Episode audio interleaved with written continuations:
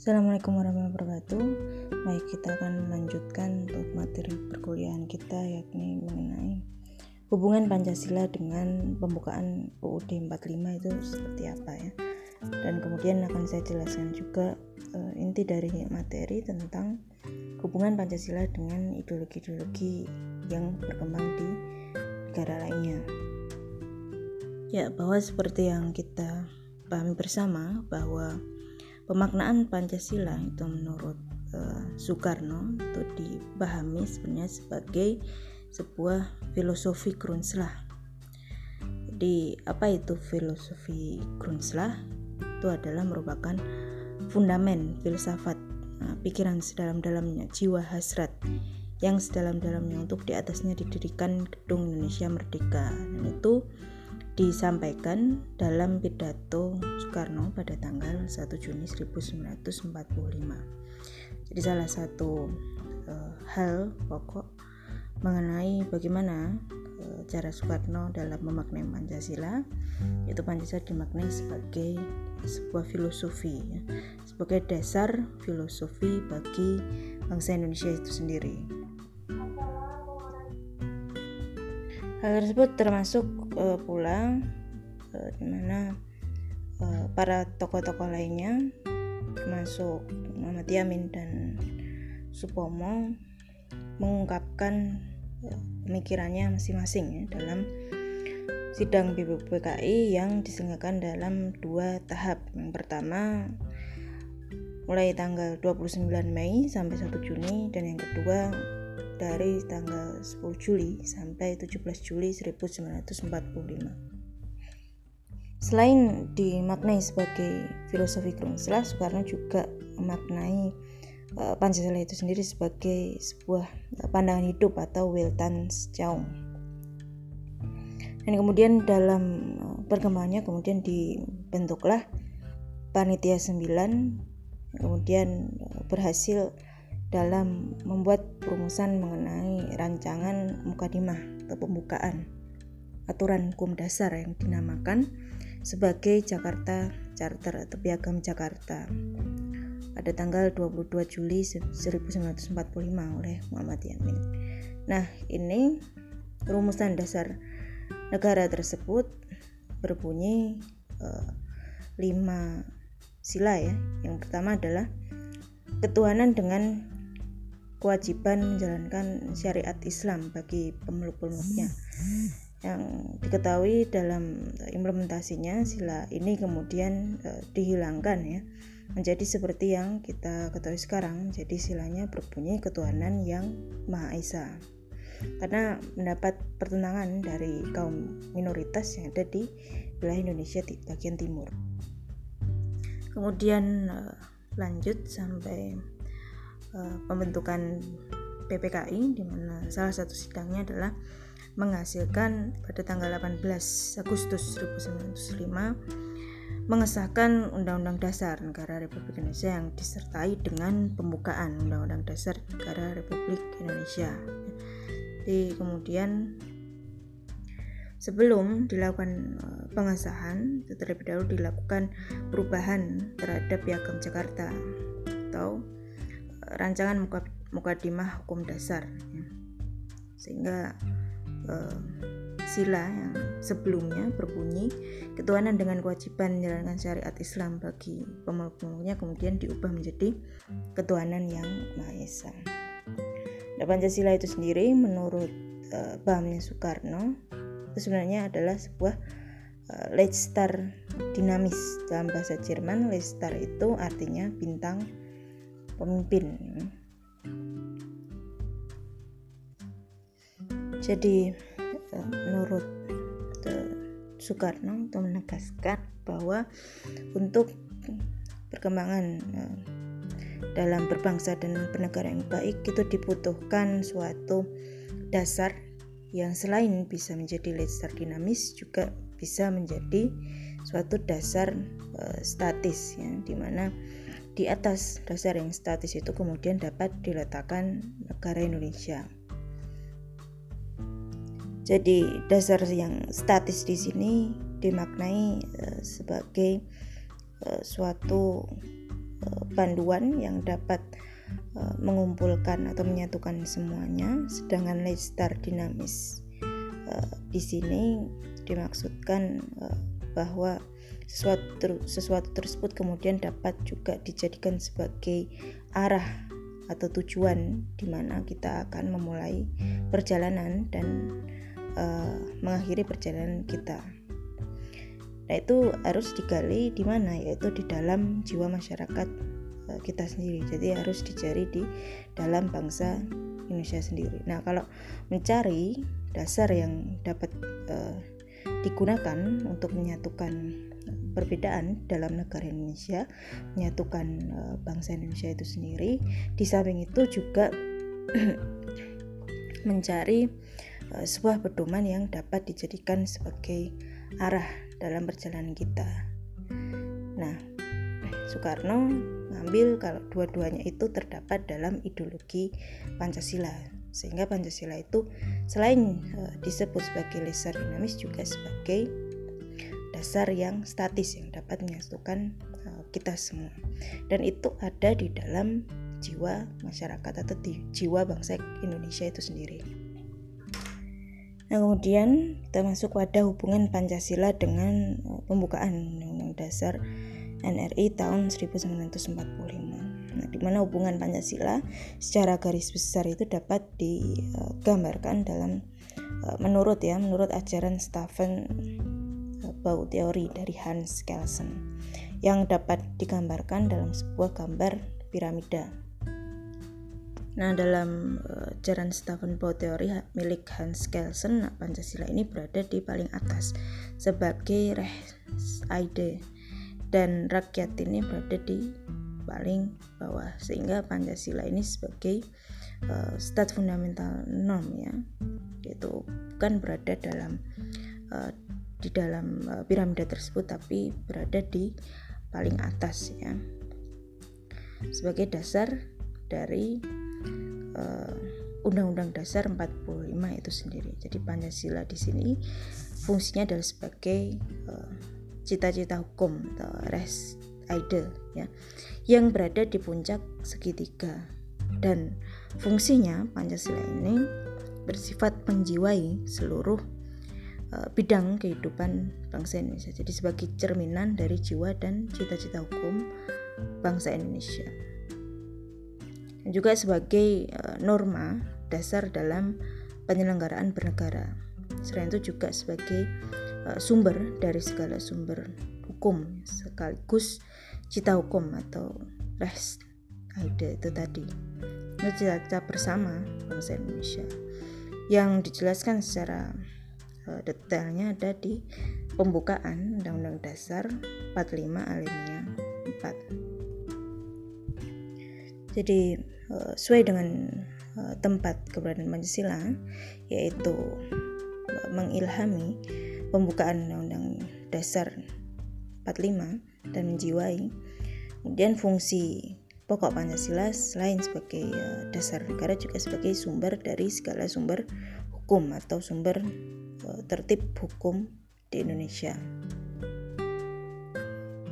Nah, konsekuensi yuridis atau konsekuensi hukum adalah bahwa kemudian seluruh peraturan perundang-undangan uh, yang dibuat di Indonesia itu baik uh, itu dari undang-undang dasar 45 kemudian dari aturan turunannya atau regulasi turunannya baik itu berupa TAP MPR kemudian undang-undang PP Kepres maupun peraturan pelaksanaannya otomatis harus bisa sejalan dan sejiwa dengan Pancasila dan tidak boleh menyimpang dari isi Pancasila.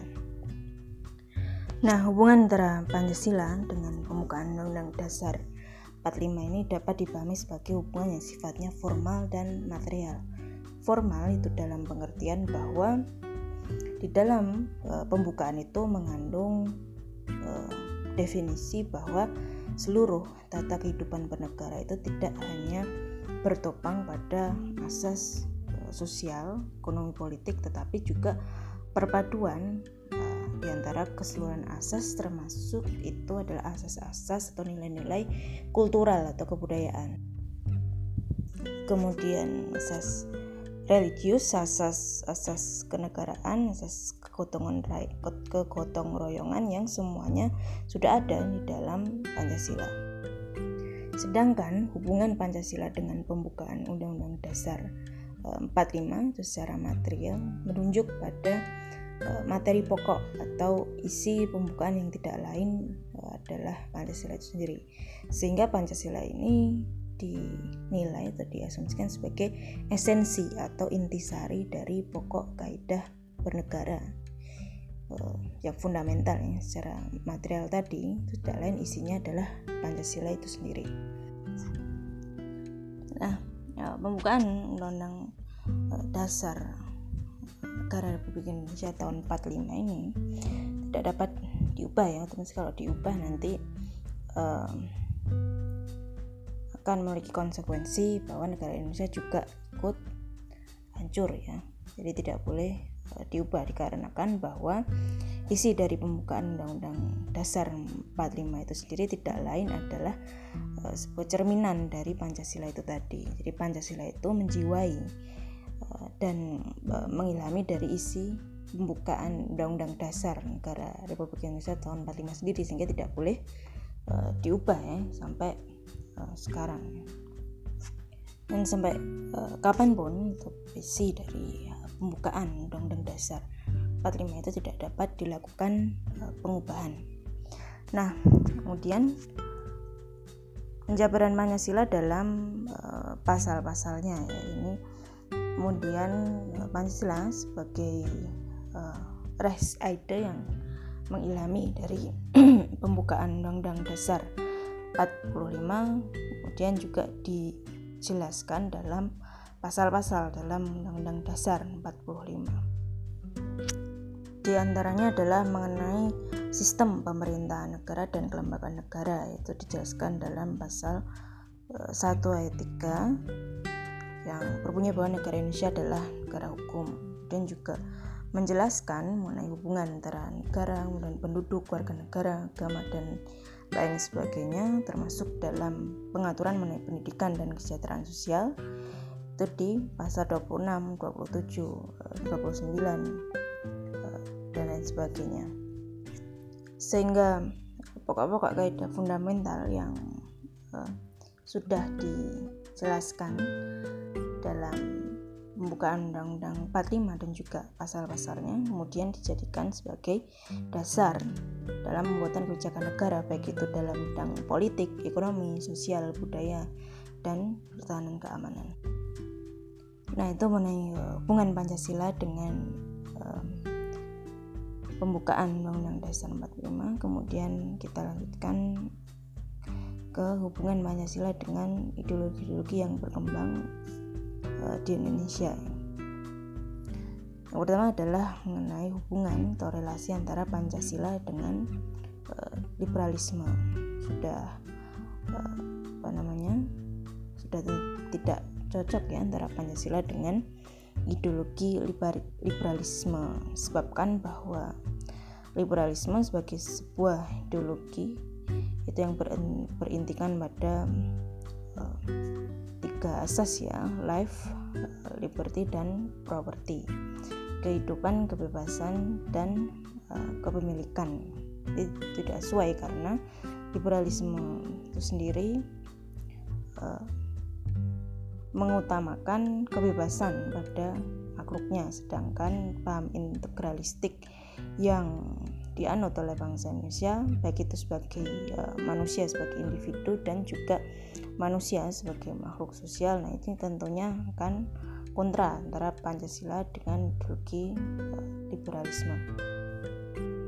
Yang mendasari bahwa uh, Pancasila itu tidak cocok ya dengan liberalisme bahwa dalam paham negara liberal itu memberikan kebebasan kepada warga negaranya baik untuk memeluk agama maupun menjalankan ibadah dan juga kebebasan untuk tidak memiliki kepercayaan terhadap Tuhan atau uh, ateis. Sehingga di negara liberal itu memberikan kebebasan warganya untuk memilih antara beragama atau tidak uh, beragama.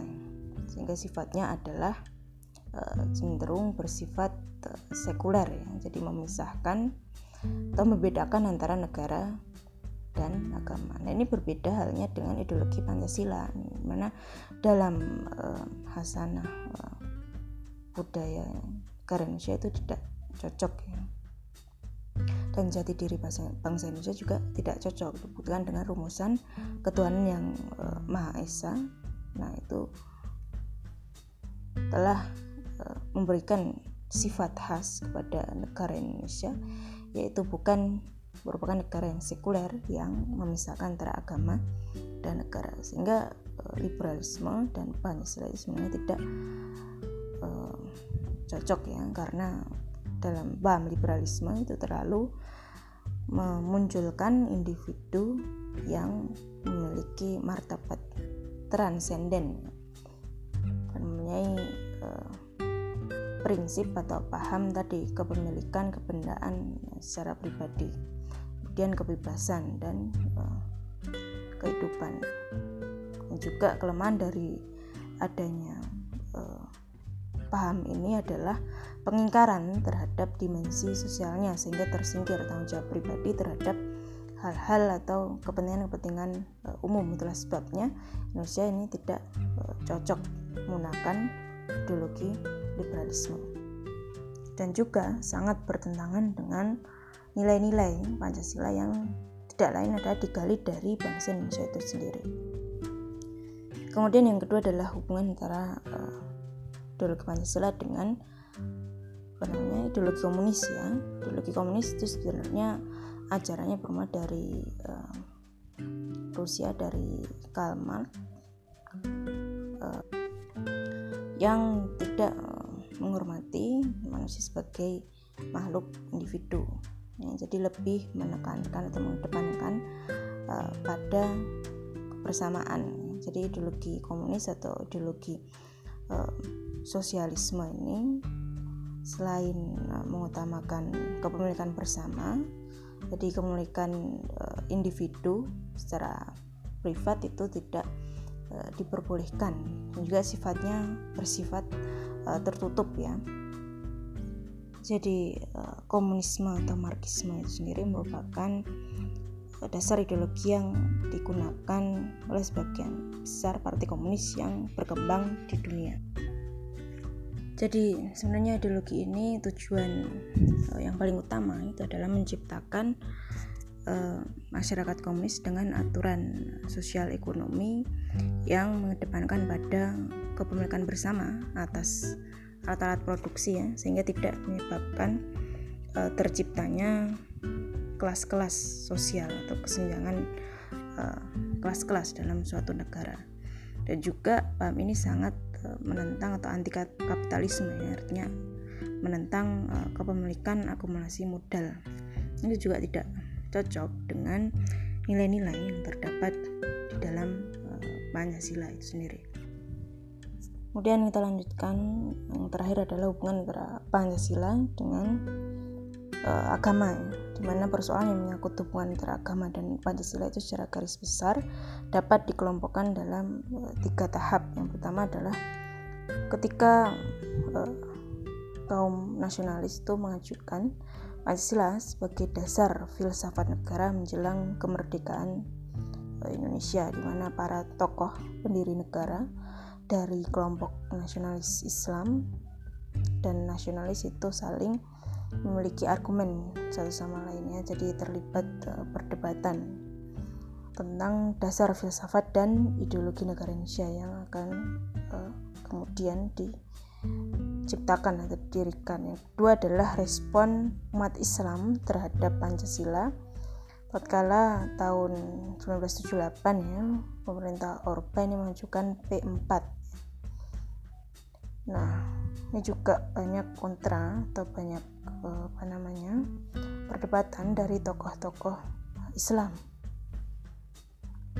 Kemudian yang ketiga adalah eh, pada tahun 85 ya, ketika pemerintah mengajukan Pancasila sebagai asas tunggal bagi semua organisasi politik dan kemasyarakatan di Indonesia yang ini banyak mendapatkan uh, tantangan dari umat Islam maupun beberapa ormas yang kemudian dibekukan karena asas tersebut.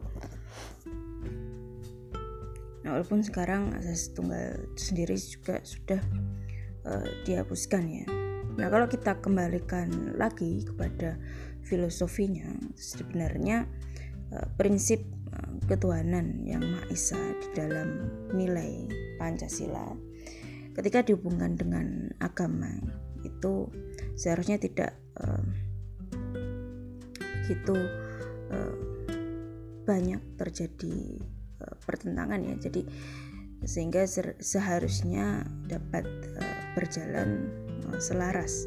Kalau kita kembalikan lagi kepada pemaknaan secara filosofis ya nilai religius yang itu sendiri juga sudah uh, diatur atau terdapat di dalam sila pertama Pancasila yaitu prinsip ketuhanan yang Maha Esa yang mengandung makna bahwa manusia Indonesia atau bangsa Indonesia harus mengabdi kepada Tuhan yang Maha Esa, mengabdi kepada satu Tuhan ya. Sehingga kalau dikembalikan pada pemaknaan secara filosofis sebenarnya Pancasila dan agama ini uh, sejalan dan saling uh, mendukung ya nilai-nilai Pancasila.